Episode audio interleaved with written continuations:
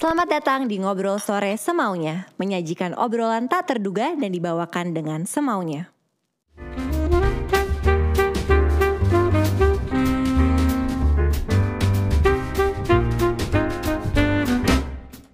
Halo semuanya, welcome back to Ngobrol Sore Semaunya bersama aku Putri Tanjung. Hari ini spesial banget karena aku kedatangan tokoh wanita yang sangat inspiratif dengan segudang prestasi. Uh, she's my idol. Langsung aja kita sambut Ibu Sri Mulyani. Hai Ibu Ani. Halo Putri. Senang Apa kabar Bu? Baik, alhamdulillah. Gimana Putri? Alhamdulillah sehat Bu. I know that you're very busy, so thank you so much udah meluangkan waktu untuk ngobrol. Sama-sama Putri. It's good to... And I heard this is your first podcast. Yeah. so podcast thank you so much. Yeah. Bu, how's your 2021 going so far? So far so good dengan uh, meskipun kita tetap despite COVID ya. Jadi yeah. kita semua tahu bahwa kita sudah masuk tahun 2021, kita dengan pengalaman 2020 kemarin dengan berbagai macam kebijakan yang dibuat untuk me, meng, apa, menghadapi COVID ini, Putri. Jadi nggak ya. ada yang punya pengalaman ya menghadapi sebuah ya. pandemi yang luar biasa gini. Jadi kita juga memang berusaha sangat keras tapi alhamdulillah 2020 lewat, masuk 2021 meskipun kemarin kita lihat COVID-nya agak naik ya bulan iya. Januari, yeah. tapi sekarang sudah menurun lagi. Trennya seluruh dunia juga turun dan yang paling bagus juga masyarakat sekarang sudah nampaknya memahami disiplin kesehatan itu penting untuk yeah. semuanya. Jadi aku senang itu ngelihat di mana-mana anak muda siapa saja melakukan disiplin kesehatan dan juga vaksinasi sudah mulai meningkat Indonesia sekarang kalau bisa diharapkan Bapak Presiden satu juta per hari Putri bayangin nggak satu iya, juta per hari iya. melakukan vaksinasi kepada seluruh masyarakat supaya mereka tidak terkena dampak dari COVID ya iya. Insya Allah bagus moga-moga ekonominya akan membaik juga pada kuartal ke satu dua tiga nanti. Ya, aku juga senang sih Bu. Sekarang kayaknya orang-orang juga eh, terutama anak-anak muda lebih aware. Terus yang kedua sekarang lebih confident juga uh, untuk pelaku ekonomi juga apalagi di industri kreatif. Nah, Bu, how's the pandemic treating you personally, Bu? Apa pelajaran terbesar yang Ibu uh, pelajari selama pandemi ini? Mungkin sama dengan yang lain nama uh, Putri ya. Kita semuanya akan uh, harus dipaksa untuk tidak ketemu secara fisik. Itu yang pertama kan. Yeah.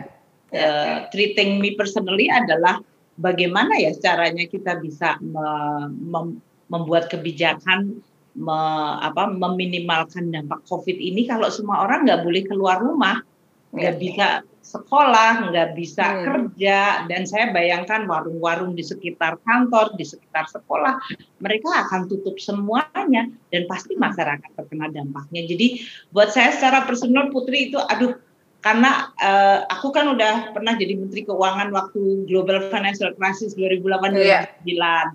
Dan yeah. waktu itu juga waktu krisis ekonomi 97-98, paling tidak aku juga sudah pulang ke Indonesia, udah jadi pengajar dan tahu bagaimana dahsyatnya uh, apa krisis ekonomi tersebut. Yang ini nih langsung masyarakat terkena. Jadi secara personal, aduh saya ada semacam tantangan yang luar biasa besar ya. Yeah suatu tantangan yang harus dijawab dengan cepat. Sementara kita nggak boleh ketemu secara fisik. Jadi tiba-tiba kita ketemu seperti kayak gini nih, eh, Putri. Saya yeah. uh, apa rapat dengan pak tim saya, tapi jadinya you asking personally, yeah. like 24 hours. Putri karena yeah, there is no sih, office hour, iya kan? Iya benar non no office hour karena office dan home menjadi blended dan yeah. jadi kita tuh kerja tuh intensitasnya tinggi banget nanti habis ini dengan Gubernur BI, dengan OJK, dengan LPS, dengan Kementerian Keuangan, dengan Menko Perekonomian, dengan Bapak Presiden. Waduh,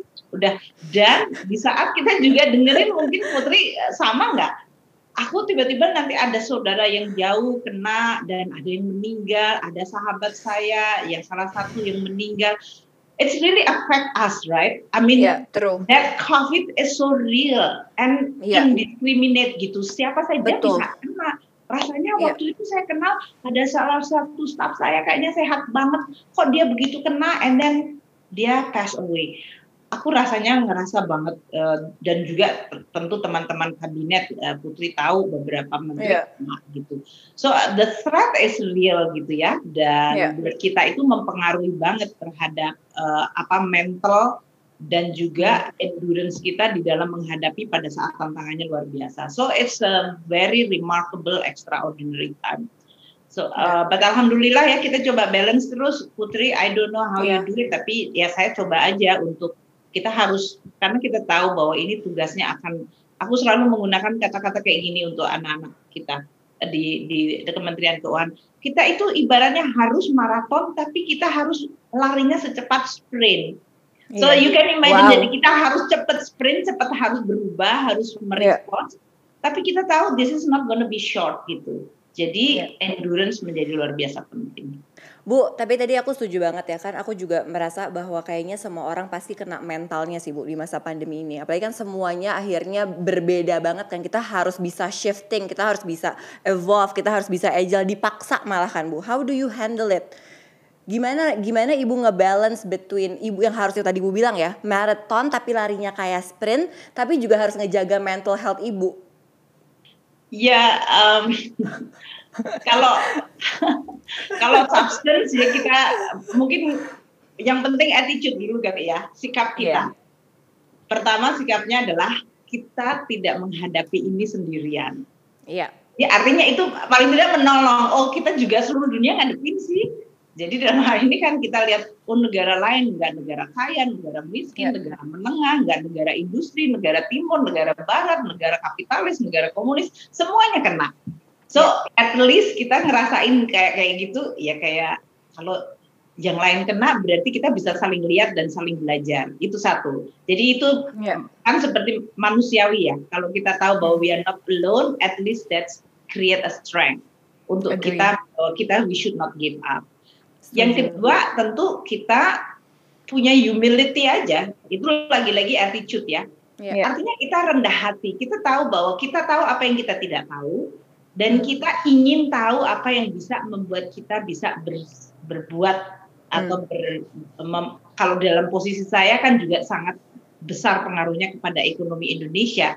Yeah. Jadi dalam hal itu meskipun saya sudah pernah menjadi menteri keuangan sebelumnya, itu nggak petantang petantang oh gue udah pernah tahu ini nih aku udah pernah rasain gitu enggak juga jadi humility itu penting banget untuk supaya kita tuh ngerti ada ide baru nggak sih ada masalah yang mungkin kita nggak lihat nggak sih yeah. ada persoalan yeah. baru lagi nggak yang mungkin kita dulu pernah mengalami tapi mungkin yang dulu responsnya bisa diperbaiki dan caranya seperti apa itu sangat banyak membantu Putri dari iya, sisi yeah, tadi tadi ya uh, we are not alone and then kita punya humility sehingga kita mampu untuk invite all the good thinking pikiran orang yeah. uh, sikap-sikap orang komentar orang untuk bantu kita karena ini kan musibah yang luar biasa besar dan yeah. yang ketiga kalau personally ya takes time for you to have at least your personal time gitu your me hmm. time hmm. gitu kalau bisa yeah. dikatakan buat saya sih karena saya bukan yang macam-macam ya. Artinya hobi saya itu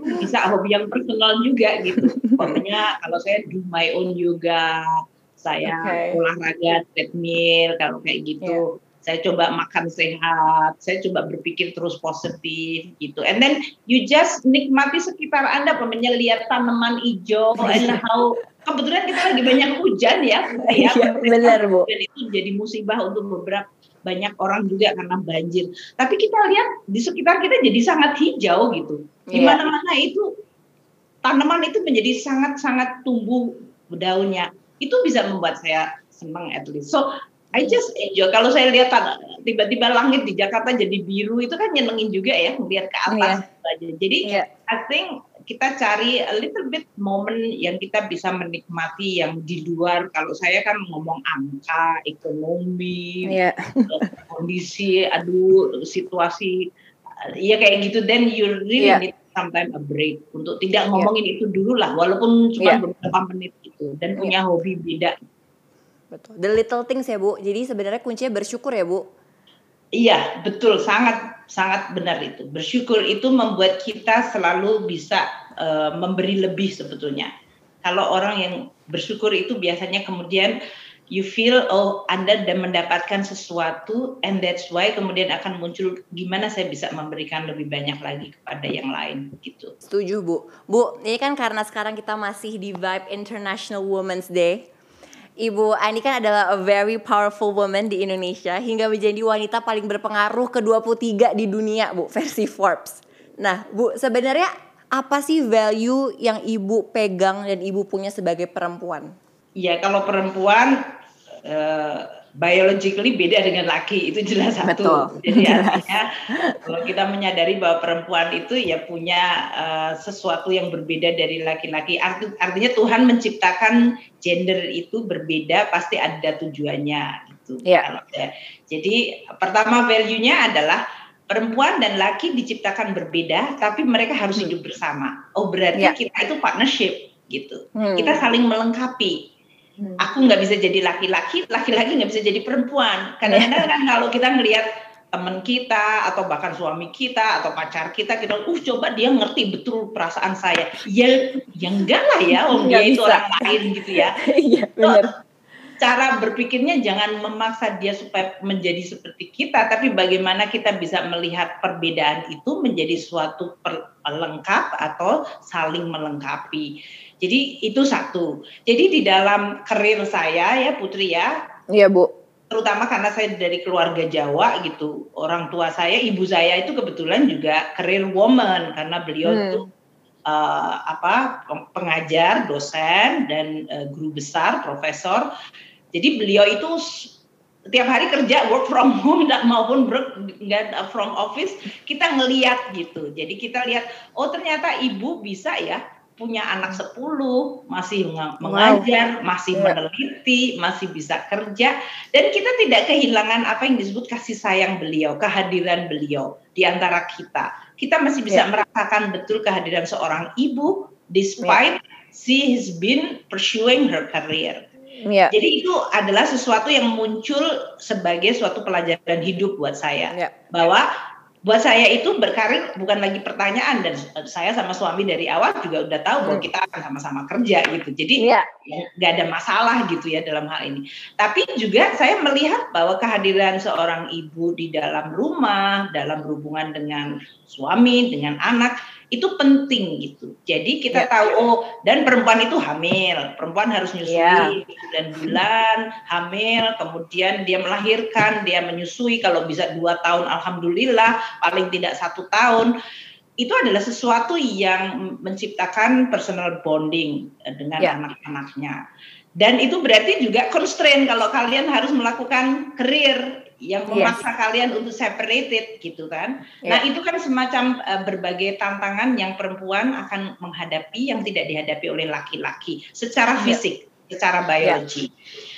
Namun di luar masalah itu ya kita sama. Artinya kalau kita hmm. belajar di sekolah bahkan saya lihat kadang-kadang yang GPA-nya atau indeks prestasinya bagus biasanya lebih banyak perempuan. Setiap angkatan biasanya kayak gitu.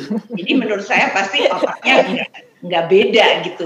Malah kayaknya perempuan bisa lebih fokus waktu dia belajar. Setuju. Makanya indeks prestasinya lebih kalau laki-laki kayaknya wah interestnya banyak gitu. Terus habis itu kalau kita bicara tentang uh, pekerjaan juga sama, endurance bekerja, delivery, yeah. penelitian dan lain-lain juga sama. Jadi ya aku pikir perempuan nggak beda dengan laki-laki. Yang sering dihadapkan uh, kepada perempuan adalah bahwa mereka secara society, sosial ya, maupun hmm. di dalam keseluruhan dunia ini yang relatively tidak level playing field karena perempuan yeah. itu kita lihat aja statistiknya uh, perempuan pada posisi sama dibayar 11% lebih rendah atau bahkan yeah. some, uh, to some extent bahkan sampai 20% di bawah laki-laki untuk pekerjaan sama, tanggung jawab yang sama. Itu terjadi yeah. di banyak seluruh dunia. Yeah. Jadi artinya perempuan itu talentnya kayaknya di, di discount hanya yeah. karena dia perempuan. Perempuan. Hmm. Iya. Dan juga sama nanti di dalam kultur kalau saya waktu memimpin Kementerian Keuangan ya saya selalu menekankan kalau kita ada promosi rotasi selalu ditanya ini posisi ini sebaiknya bukan untuk perempuan bu. Kenapa? Hmm. gitu kan? Oh ya. yuk kenapa? Ya ini biasanya laki-laki. Ya karena biasanya itu karena dari dulu biasanya perempuan nggak pernah dikasih betul. betul. Gitu kan Jadi artinya kita mungkin kalau dalam posisi sebagai tadi saya bicara sebagai uh, personal ya pribadi ibu saya dan bagaimana kita menyikapi sebagai perempuan. Kalau saya sekarang mungkin sebagai policy maker yeah. sebagai pembuat kebijakan, saya harus melihat gender equality itu sebagai sesuatu yang harus dipahami apakah polisinya ini secara tidak langsung menguntungkan atau tidak menguntungkan perempuan atau ya. tidak memasukkan apa yang disebut perbedaan gender itu karena perempuan itu tadi seperti saya katakan melahirkan menyusui maka Betul. di kantor apakah ada tempat child care apakah ada tempat ya. untuk menyusuin apakah disediakan tempat untuk dia melakukan laktasi dan menyimpan air susunya kan ini teknologi sekarang juga memungkinkan tetap menyusui walaupun tidak secara langsung tapi dia bisa simpan jadi hal seperti itu memungkinkan harus kita lakukan sebagai seorang pimpinan di organisasi. Kalau sebagai policy maker ya seperti itu pamannya kita membuat policy untuk memberikan transfer kepada keluarga-keluarga yang tidak mampu. Itu yang 20 yeah. uh, PKH Putri. Yeah. Itu 10 juta keluarga. Penerimanya di atas 90% itu perempuan. Perempuan. Hmm. Ya. Jadi kita yeah. memang memberikan kepada kepala keluarga yang perempuan Ya. Karena perempuan itu waktu dikasih cash sama pemerintah, dia mikirin anaknya udah makan pagi belum, belum sekolah, ya. dia udah diimunisasi belum, dia sekolahnya uh, apa uh, seragam sekolahnya uh, ada atau enggak, bukunya ada atau enggak. Jadi dia mikirin sedetil itu untuk anak-anaknya. Itu yang memang tujuan kita ya supaya keluarga-keluarga tidak mampu, anak-anaknya tetap bisa sekolah, tetap ya. sehat gitu uh, uh, Putri. Jadi in a way dalam International Women Day in any position that you have, being a woman itu harus kita menyadari kita beda. Tapi yeah. perbedaan itu is actually a source of strength. strength. Jadi kekuatan Setuju. kamu. Jadi tidak kita tidak mengeksploitasi sebagai perempuan, tapi kita tahu bahwa ini adalah beda gitu yang yeah. kita perlu untuk uh, perbaiki. Oke. Okay. Bu, sebenarnya aku mau curhat juga sih soal um, woman ini ya Bu. Karena kan sekarang aku dan ibu sebenarnya kita kan di lingkungan male male dominated ya bu. Apalagi di industri bisnis gitu. Jadi selalu ketemunya sama pemimpin-pemimpin laki-laki kebanyakannya. There's not enough women in the room.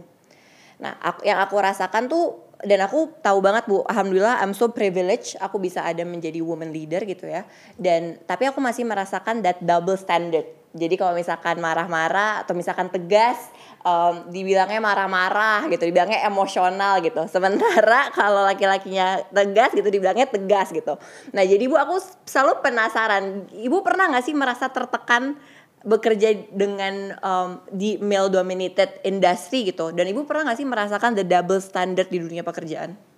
Uh, kalau experience untuk apply ke saya, saya mungkin aku tidak, tapi sebagai kebetulan saya di beberapa karir itu selalu dalam posisi di atas ya, dalam artian sebagai yeah. pimpinan gitu ya. Yeah. Tapi saya melihat bagaimana they treat others gitu ya. Kepada saya, yeah. aku karena mungkin mereka nggak ngomong di depan saya kali ya jadinya. Yeah. Tapi kita lihat, upamanya persis yang dikatakan Putri tadi kalau lagi mau cari orang untuk diberikan penugasan terus yang perempuan ini tegas orangnya dibilang wah ini orangnya resek bu iya ini orangnya wah, pokoknya bawel gitu yeah.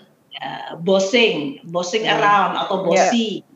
Kalau yang laki-laki yang tegas dibilang wah dia tegas ini kayaknya reliable gitu jadi yeah. memang uh, kita melihat stereotyping terhadap perempuan itu menyebabkan dia untuk kualifikasi yang sama tadi di deskripsinya atributnya menjadi berbeda gitu. Yeah. Itu lagi-lagi karena tadi dalam suasana yang didominated oleh male ya dengan bahasa yang biasanya among male yaitu begitu ada yang lain gender yang lain membedakan sekali dia dalam yeah. um, merespons atau menamai bahkan kalau seorang perempuan kalau lagi cerewet dibilang ibu uh, mungkin lagi PMS nih katanya. Iya benar. Kayak gitu kan. Jadi iya benar. Uh, ya nggak apa-apa juga kalau seumuran saya bahkan dibilangnya oh ini barangkali dia menopause nih kayaknya. Jadi it's a very physical uh, yang bisa very offensive ya dalam hal ya, ini. Betul. Dan kebetulan mungkin di Indonesia hal kayak gitu belum diajarkan yang yang disebut ya how you are going to express uh, dan mendescribe uh, apakah relationship atau terhadap sesuatu yang Anda respecting perbedaan tanpa Anda ofensif gitu. Iya. Itu kan sesuatu yang di Indonesia mungkin juga perlu untuk dengan putri peranan putri ini sekarang sangat penting untuk bisa memberikan awareness seperti itu. Nah, ya. perasaan putri bahwa kamu ada di bisnis dan which is male dominated kan sama.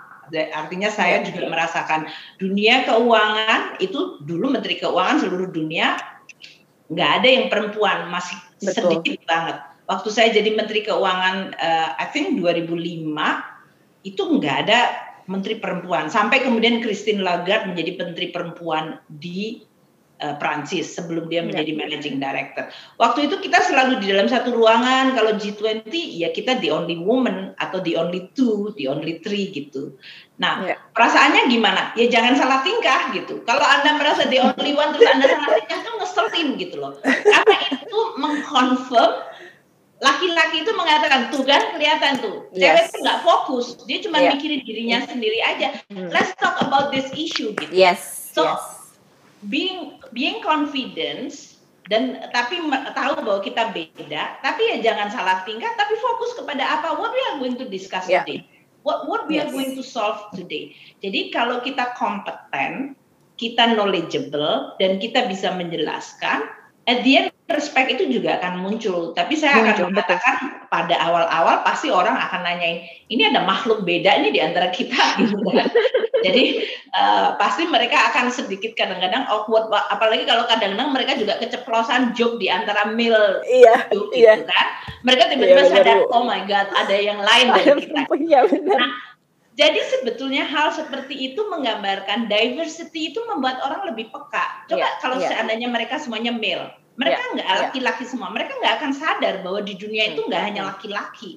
Di dalam betul, membuat betul. keputusan ada gender yang lain, jenis kelamin yang lain yang kalian tahu bahwa dia itu eksis 50% dari populasi dunia itu perempuan yeah. gitu yang yeah. dianggap nggak ada gitu. Nah, diversity atau adanya uh, jumlah perbedaan ini di dalam satu board itu akan sangat membuat decision itu menjadi lebih peka dengan yeah. kelihatan. Karena kalau orang bicara tentang perbedaan ya, Putri, itu nggak bisa diajarin, nggak cuma dibilang yeah. kamu laki, kamu perempuan terus diajarin gitu. Kamu harus ngerasain gitu kan, bahwa yeah.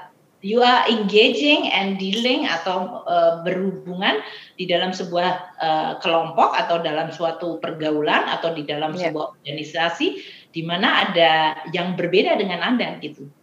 Iya, setuju sih Bu. Menurut aku sekarang juga menurut aku banyak banget um, perempuan-perempuan muda yang udah dapat posisi tapi masih minder karena tadi itu ya Bu kayak male dominated. Tapi aku setuju banget sih kata Ibu bahwa kayak udah harus fokus kayak jangan malu-maluin nih gitu. Nah Bu, tapi aku selalu berpikir kan sebenarnya kita tuh bisa ada di posisi atas gara-gara kita bareng-bareng Bu ya. We have to support other women ya kan? Tapi sekarang banyak yang belum aware nih bahwa sebenarnya woman tuh harus support other woman loh gitu. Karena mungkin arenanya sedikit bu terbatas. Jadi saat kita lihat ada woman leader di atas perempuan lain tuh kayak ya posisi gue udah terambil deh gitu. Jadi we don't support each other. Nah, menurut Ibu seberapa penting sih untuk woman support other women dan gimana cara kita bisa berkontribusi, Bu, untuk bisa support other women di Indonesia?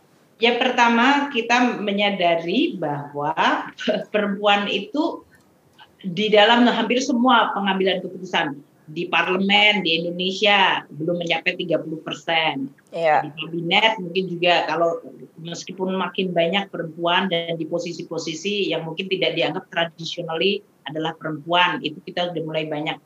Uh, kalau kita lihat di dalam corporate board uh, board of director itu yang perempuan juga biasanya satu dari lima yeah, di dalam yeah. board of commissioner juga biasanya hanya satu dari lima itu pun kalaupun ada kadang-kadang semuanya yeah. male gitu ya jadi di dalam semua statistik itu menggambarkan bahwa perempuan itu masih minority yes nah, kalau kita semua sesama perempuan tahu, berarti kita mengatakan loh. Tapi di sisi lain ada beberapa perempuan yang bisa mengambil posisi atau melaksanakan berbagai fungsi itu. Nah, yeah. kita berarti ikut bangga. Nah, perasaan yeah. apakah Anda sebagai perempuan ikut bangga nggak ngadep kayak gitu? Karena itu berarti bisa kemudian menginspire, mempengaruhi. Yes. Yang tadinya tadi Putri mengatakan saya merasa nggak mampu atau nggak pantas atau am I yeah. good enough gitu. Yes. Tapi begitu melihat contoh, Anda kemudian merasa oh aku rasanya bisa deh. Karena kayaknya dulu dia SMA-nya sama deh sama saya. Dia juga nggak beda-beda banget yeah. nya sama saya. Tapi dia kok bisa? Kenapa saya nggak bisa? Itu kan berarti hanya perasaan saya aja. Nah, yeah. hal itu akan mengencourage lebih banyak perempuan. Nah, yang kamu sebutkan di antara perempuan kadang-kadang uh, kita justru harus makin membuka tadi. Kalau putri ke kebetulan posisinya mem memiliki pengaruh, memiliki kewenangan, punya resources, dan juga akan memberikan inspirasi kalau along the way Putri juga memberikan ruang dan peranan bagi sesama perempuan. Kadang-kadang tadi yang dikatakan oleh Putri, wah kalau saya the only person in the room dan apalagi dia menjadi salah tingkah terus dia ngerasa bahwa saya is the only unique person, dia ngeliat kalau ada perempuan lain dianggap sebagai saingan. Betul. Nah, itu padahal dia baru satu among many gitu loh. Gimana kalau lebih banyak lagi? Jadi perasaan saingan itu ya sebaiknya sih nggak terjadi tapi nama-nama kata-kata sebaiknya itu kan normatif. I think you need to train ya, to train yeah. untuk merasa comfortable. Dan yeah. to be honest ya, uh, Putri ya, saya kan kerja di Bank Dunia dan itu juga banyak sekali uh, lakinya juga dominated walaupun kita mungkin yeah, gender equal di level manager, direktur, vice president yang di bawah saya managing yeah. director dalam hal ini kita lihat banget itu setiap jenjang kapan karir mereka itu drop out ya karena biasanya yeah. harus pisah keluarga dan yang lain-lain. Nah kalau kita dalam posisi seperti itu kita harus bisa memberikan terutama kalau ada di dalam ruangan itu lagi membicarakan tentang katakanlah tadi promosi rotasi kita harus bisa menetralisir atau mengoreksi tadi seperti yang dikatakan Putri, oh ini perempuan kompeten banget tapi dia bosi banget gitu. Kita sampaikan yeah. kenapa kamu bisa ngomong bosi gitu. Hmm. What is exactly what is happening with her gitu. Nah, yeah. waktu kemudian di didedes begitu ya, ketahuan bahwa itu lebih karena tadi lensa lensa male. Nah, ya, kalau perempuan saling mendukung, itu akan menetralisir juga pandangan dari laki-laki bahwa perempuan tuh nggak bisa bekerja sama. Mereka selalu bilang, hmm. you know what, Sri Mulyani, usually perempuan itu they cannot cooperate among among each other karena mereka yeah, yeah. yang dibilang itu competing yeah. gitu. Competing, Jadi mereka yeah. bilang, aku nggak bisa put two woman in the room. Kan gila yes. kalau kayak gitu. Gila, iya. Jadi kan nggak boleh kayak gitu. Yeah. Nah, artinya kita sendiri juga jangan, oh kalau saya sama laki-laki saya bisa bekerja sama, terus kalau sama perempuan saya jadi nggak bisa bekerja sama. Itu yeah. juga sesuatu yang kita sebagai perempuan harus bisa menyampaikan, are we becoming also discriminating terhadap hmm. karena bisa saja kita ngomongin yes. bersama, tapi ternyata waktu anda sebagai perempuan anda sendiri juga ternyata nggak yeah. atau discriminating yeah. kan? Yeah. Nah, karena Putri masih muda banget, I think you are still long untuk kemudian bisa influence bahwa comfortable bekerja dengan either or gitu laki perempuan. Either or. Karena yeah. paling penting adalah kompetensinya. Exactly. Kemampuan dia gitu dan mereka yeah. itu bisa saling melengkapi gitu. Ya yeah. again it's not about the woman or the man ya bu. It's about equality kan sebenarnya. Dapat opportunity yang sama gitu. And I think we as a woman we should support each other biar space-nya dan opportunity-nya semakin lebar. Ya laki perempuan itu kayak kayak sepatu kiri dan kanan aja. Anda nggak bisa jalan yeah, pakai sepatu kanan aja semua. Betul. Itu kan? Betul. so and they should be leveling gitu. Karena kalau, yeah. kalau sepatu yang kanan yang laki-laki lebih tinggi yang perempuan lebih rendah jalannya nggak enak jadi juga. jalannya nggak enak ya setuju ya kan? Iya. Jadi agree ya, Bu. Dan metafor yang bagus. Nah, Bu, kan Ibu sekarang ada di posisi um, seperti sekarang ini salah satunya adalah karena Ibu Sri sangat mengedepankan pendidikan kan, Bu. Dan aku juga tahu dengan Ibu punya sembilan bersaudara lainnya kayak berpendidikan tuh sampai jenjang yang tinggi sekali. Apakah itu value yang emang ditanamkan dari orang tua, Bu, dari kecil atau seperti apa? Kalau dari orang tua jelas ya, artinya karena kebetulan bapak ibu saya ada di dunia pendidikan, jadi untuk beliau berdua almarhum dan almarhumah, ya menganggap bahwa pendidikan itu penting. Kalau ibu ya. bapak saya itu mungkin rada ekstrim uh, putri pertama dulu karena anaknya 10 ya, dan, ya. tapi make sure bahwa mereka semuanya sekolah dan tetap uh, bisa sekolah dengan baik dan bahkan berprestasi baik tapi di rumah tuh nggak ada. Jam sekian harus duduk di, di atas kursi dan kita nyediain PR aku nggak ada tuh. Di rumah kita tuh sebenarnya oh, ya? nggak nggak ada kayak gitu. oh nggak ada bu? Nggak ada. Oh. tapi ibu saya itu kayaknya sama bapak ya nunjukin based on the contoh kan. Karena yeah, ini saya dan bapak ya, saya dua-duanya dosen ya mereka baca buku.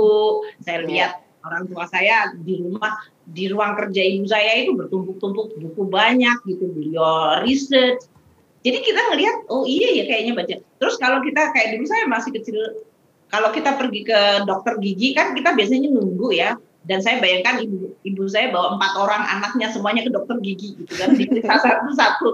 Waktu pasti kita nunggu kan putri ya.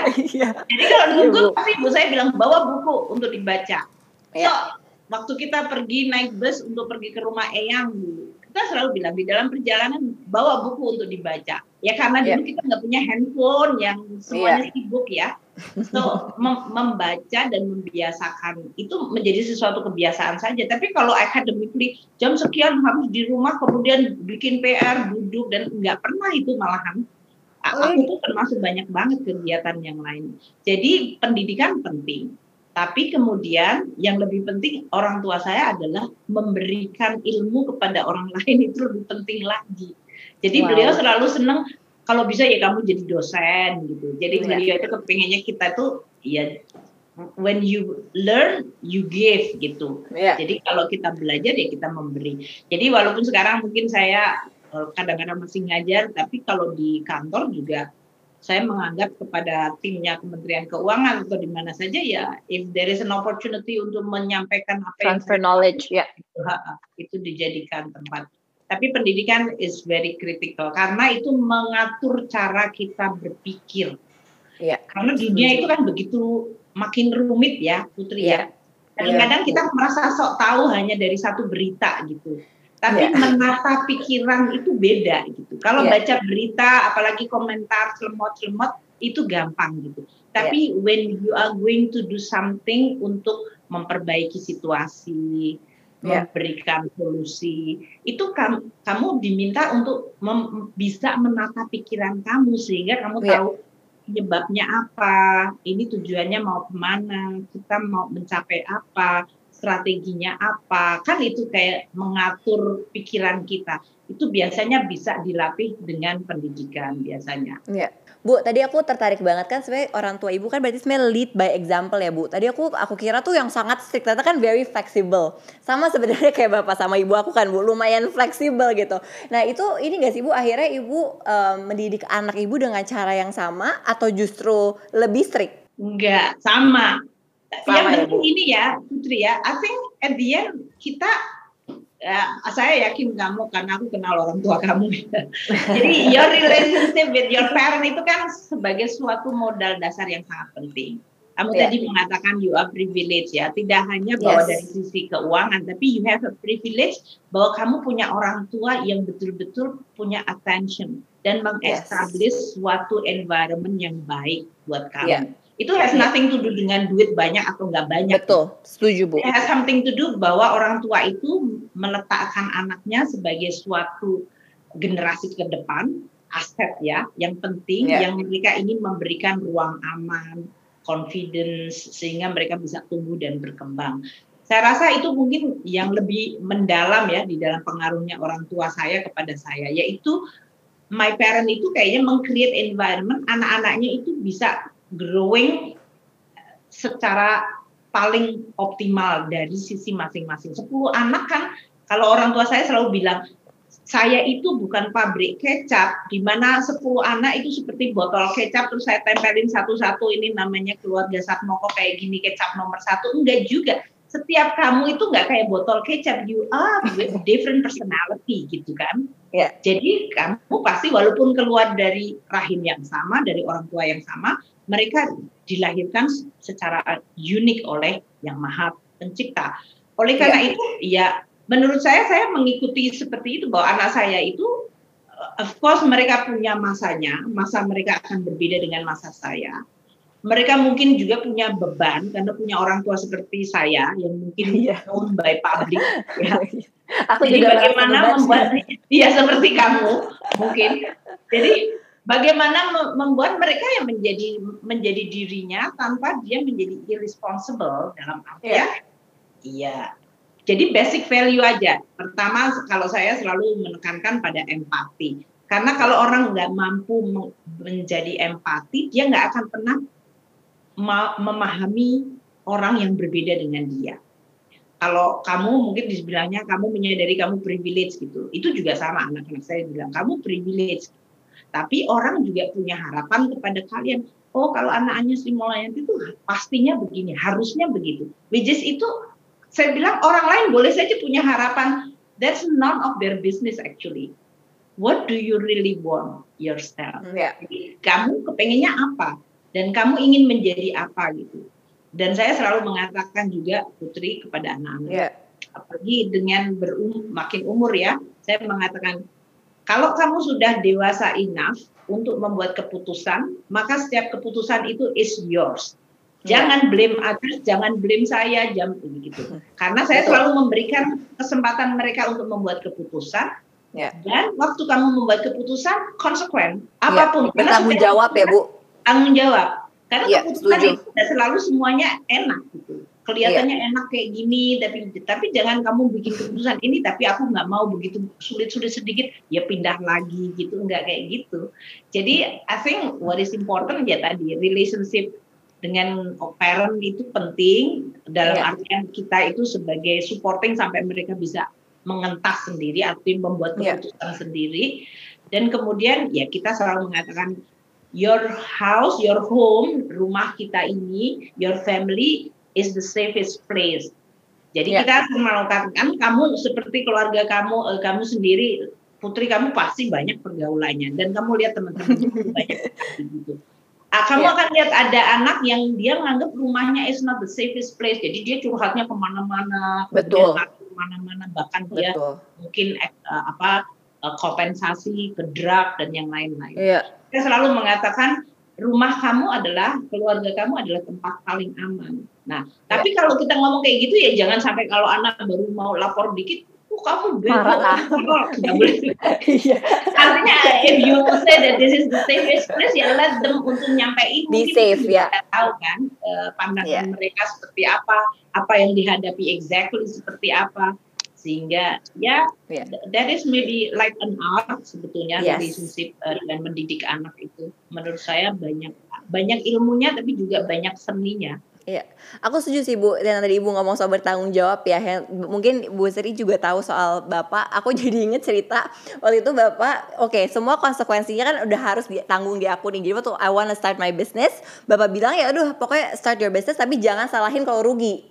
Terus tiba-tiba rugi Bu tiba-tiba rugi terus aku minta bapak untuk pinjem uang mau pinjem uang untuk bayar kerugiannya. Terus nggak boleh kan bu? Karena dia bilang bahwa lah kan itu it's your choice. Jadi udah kalau misalkan emang udah rugi ya lu cara gimana caranya ya fix it gitu. Dan akhirnya nggak di, tetap nggak dikasih bu. Tapi ya gara-gara itulah akhirnya kan kita jadi evolve ya as human being gitu. Nah bu kalau perbedaannya ibu Sri sedang bekerja dan sebagai istri dan ibu di rumah itu seperti apa sih bu? Oh, it, this is really a good question. Karena saya selalu mengatakan sama suami dan anak-anak, ya di luar saya menteri keuangan gitu. Saya punya 84 ribu staff jajaran saya. Iya. Ya. Wow once begitu saya masuk rumah ya saya istri kamu dan saya ibu kamu gitu. So I'm not a uh, madam minister anymore gitu. So I mean you can expect anything from me then I also expect anything from you sebagai sebuah family gitu ya dalam hal ini. Yeah. jadi kebetulan aku suka masak eh, putri ya, oh, ya dulu apalagi waktu di Amerika. Uh, uh, saya suka masak di Amerika. Mm. so if I cook ya. Dan saya menyenangi gitu. Saya menikmati masak dan and hmm. prepare food yang menurut saya paling enak. Yang kebetulan juga menurut keluarga saya enak. Jadi apa aku nggak klaim enak apa andalannya? Enggak. apa andalannya bu?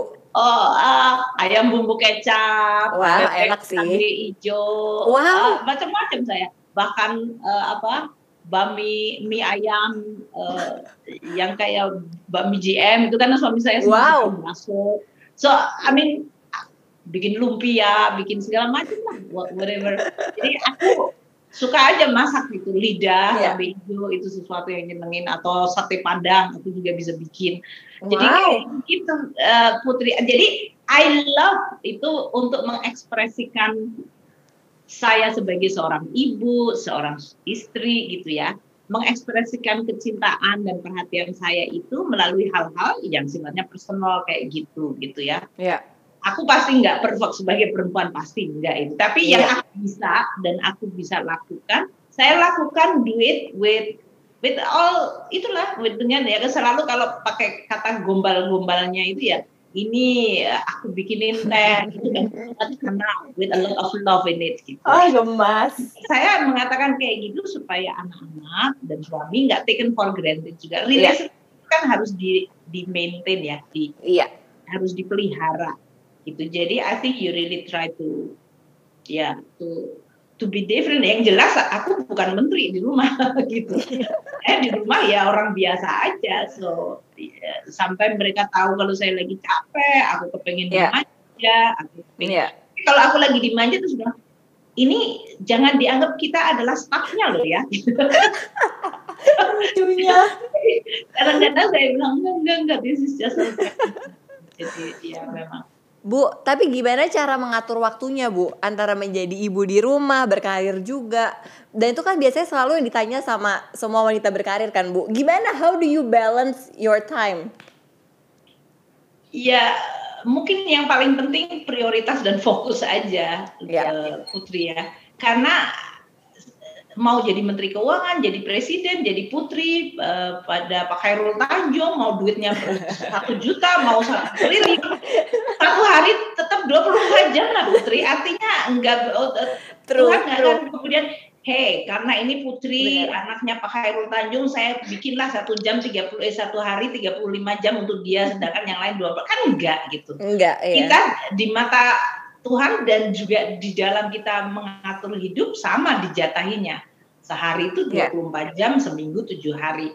So within that, kalau kamu di dalam 24 jam sudah dioccupy oleh pekerjaan, what is going to be your next, what is your most important priority? Yeah. Kalau my priority adalah keluarga dan pekerjaan, and then kamu lihat di dalam pekerjaan dan keluarga itu sudah makan berapa banyak hmm. dari waktu saya. Yeah. Kalau itu sudah makan cukup banyak, ya sudah aku nggak akan punya waktu untuk yang lain-lain lagi kan? Ya itu yeah. konsekuen aja gitu. Or else aku kepengen melakukan ya berarti aku ngambil waktu keluargaku. Is it really that important?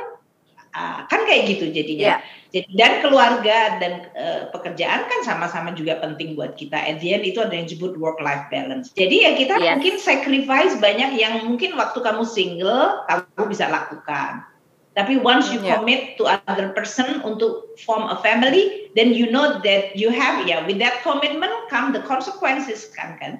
Konsekuensinya yeah, yeah. ya berarti ya aku nggak bisa lagi menjadi sendiri walaupun mungkin kita bisa atur kadang-kadang aku kepingin sendiri dulu ya supaya kita bisa punya healthy relationship ya nggak apa-apa juga tapi tetap yeah. once you are berpartner gitu kan ada konsekuensinya apalagi kemudian punya anak jadi menurut saya Betul. sih uh, Putri waktu aku early career, career ya aku ya. cuman kayak gitu aja, fokus dua aja, anak, ya. ya dalam hal ini keluarga dan karir ya. saya. Kadang-kadang kalau ya. saya bisa combine bagus juga. Waktu saya dulu ya. ngajar, belum jadi menteri, anak-anak saya kadang-kadang saya bawa untuk ngajar supaya hmm. dia tahu dia belajar aja waktu itu mungkin waktu anak saya masih kecil mahasiswa saya ada yang inget kali mereka datang aja di, di ruang kelas dia main di situ nggak ganggu ya. sih kebetulan anak saya bukan jenis yang teriak-teriak gitu loh rempong gitu ya ya, ya jadi ya, ya oke okay lah gitu ya. terus mereka lihat waktu saya diwawancara di TV waktu itu saya mungkin masih harus pergi ke studio dan mereka lihat oh this is what the mother is doing gitu jadi dia ya. tahu gitu ya. Namun kalau enggak ya kalau mereka bilang wah mama aku nggak mau ikut-ikut kerjaan ya udahlah I know what you're doing gitu. Ya sudah nggak apa-apa juga. Pokoknya asal dia yeah. tahu that waktu saya di luar rumah itu mereka tahu what I'm doing sehingga mereka respect dan trust gitu. Sehingga waktu pulang jadi kita nggak merasa ke mana aja sih? gitu. Kan nggak kayak gitu gitu. Jadi uh, priority I think yang paling penting prioritas. Disiplin aja pada prioritas yang kamu menginginkan apa yang paling penting dalam hidup kamu, ya itu yang harus konsekuensinya dari sisi waktu adalah yang paling penting gitu. Oke, jadi prioritas dan fokus ya Bu. jangan semuanya untuk kerjaan, jangan semua untuk keluarga, and then kita sendiri menzolimi diri kita sendiri gitu loh. Artinya yeah. saya kemudian nggak yeah. bisa apa ya yang saya seneng, umpamanya saya ke spa atau saya kepingin potong rambut, saya kepingin I want to look good, aku kadang-kadang kepingin shopping, ya itu my me time kadang-kadang ya saya tetap uh, hormati dulu. Yes. Bu, I know that uh, our time udah hampir habis. Tapi I have two last questions. Bu, kan sekarang tuh banyak perdebatan yang seakan kayak tidak ada habisnya Bu tentang multi peran sebagai perempuan. Menurut Ibu bagaimana? Multi peran karena kan emang kita multi peran kan Bu dituntut dituntut untuk jadi istri juga, anak tapi juga wanita karir. Nah, tapi banyak yang kayak aduh soal multi peran ini banyak pembahasannya. Nah, menurut Ibu bagaimana? Ya, laki perempuan sebetulnya juga semuanya punya multi peran ya dalam hal ini. Ya, setuju. Dan saya selalu mengatakan enggak berarti bahwa kalau kita berkeluarga terus semua tanggung jawabnya di perempuan. Karena sebetulnya memang majority cenderung begitu gitu. Jadi kalau ya. begitu keluarga urusan domestik keluarga itu perempuan aja. Makanya saya di Kementerian Keuangan juga mengintroduce sekarang ada paternity leave. Jadi kalau melahirkan hmm. si suami juga bisa mengambil cutinya, cuti untuk ngurusin bayi dan istrinya. Just itu yeah. menurut saya hal hal-hal kecil yang sebetulnya menggambarkan. Tapi kalau multi peran tadi ya, menurut saya ya itu konsekuensi kalau kita membuat komitmen gitu. Jadi kalau yeah. kamu masih individual, ya komitmen kamu ya sebagai individual kalau kemudian ada karir itu komitmen kamu dan maka kamu harus di, di, di, dedicate atau devote your time untuk itu. Begitu kamu komitmennya makin banyak, yaitu kemudian uh, mulai pacaran, kemudian menikah, punya anak, yeah. tapi tetap kerja, yeah. ya itu menjadi konsekuensi aja. Betul, Kalau kamu nggak nggak siap ya, then you have to give up salah satunya yeah. kan. Yang mana yang yeah. kamu bisa, yang yang jangan adalah kamu mengambil komitmen terus tidak konsekuen tadi yang saya bilang. Ya. Kamu namanya karir setengah-setengah. Terus uh, ak akhirnya kemudian selalu always cari excuse untuk tidak perform. Ya. Karena ada alasan macam-macam. Atau kamu berkeluarga tapi juga setengah-setengah. Selalu cari excuse untuk escape dari keluarga kamu untuk cari kegiatan lain. Terus akhirnya dua-duanya iya. berantakan. Nah, itu berantakan. artinya yeah. that, that is something that you I mean, that is exactly the consequence. Menurut saya itu nggak laki nggak perempuan sama aja yang namanya multi. Betul sama aja. Tapi Setuju. Perempuan memang disorotnya lebih banyak putri karena memang yeah. traditionally atau society di banyak dunia selalu taken for granted perempuan itu lebih pada domestic work disebutnya. Yeah. Sehingga kalau sekarang even di Jepang aja, Anda semuanya tahu Jepang itu menghadapi aging society dan buat mereka kalau perempuan bisa peran lebih banyak itu akan menjadi membuat ekonominya lebih balance dan akan lebih bagus. Tapi buat mereka untuk breaking this male dominated world itu bukan sesuatu yang mudah juga. Yeah. Even saya di Amerika, di sana itu maternity yeah. leave aja enggak gitu. Yeah. Enggak wow. diberikan yang disebut paid leave ya. Di sana tuh enggak yeah. dikasih. Jadi kalau oh. kamu leave ya nggak di pay gitu walaupun yeah. itu adalah melahirkan. Nah hal-hal yeah. seperti itu di Indonesia sebetulnya relatif kita society kita itu cukup kalau dari awal bahkan bayangkan Kartini itu sebelum kita merdeka sudah punya seorang even dalam society waktu hmm. itu dia yeah. bisa, bisa punya pikiran-pikiran dan concern yang sangat brilian yeah. mengenai nasib dari perempuan-perempuan yang tidak dieducate itu luar yeah. biasa it's beyond her time gitu buat yes. buat saya no matter how ya ibu yeah. Kartini dalam situasi saat itu dia memiliki pemikiran yang luar biasa brilian. Ya, ya. Nah, jadi artinya ya kita semuanya itu sebagai perempuan memang uh, uh, apa menghadapi optik yang berbeda. Ya. Meskipun sebetulnya kalau multitasking atau multi peran itu sebetulnya sama.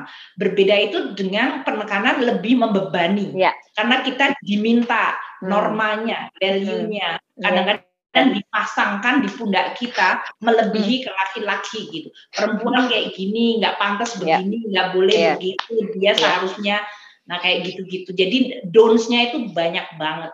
Yeah. Dan yeah. banyak dons itu dibuat-buat sebetulnya. Benar Bu. Iya kan?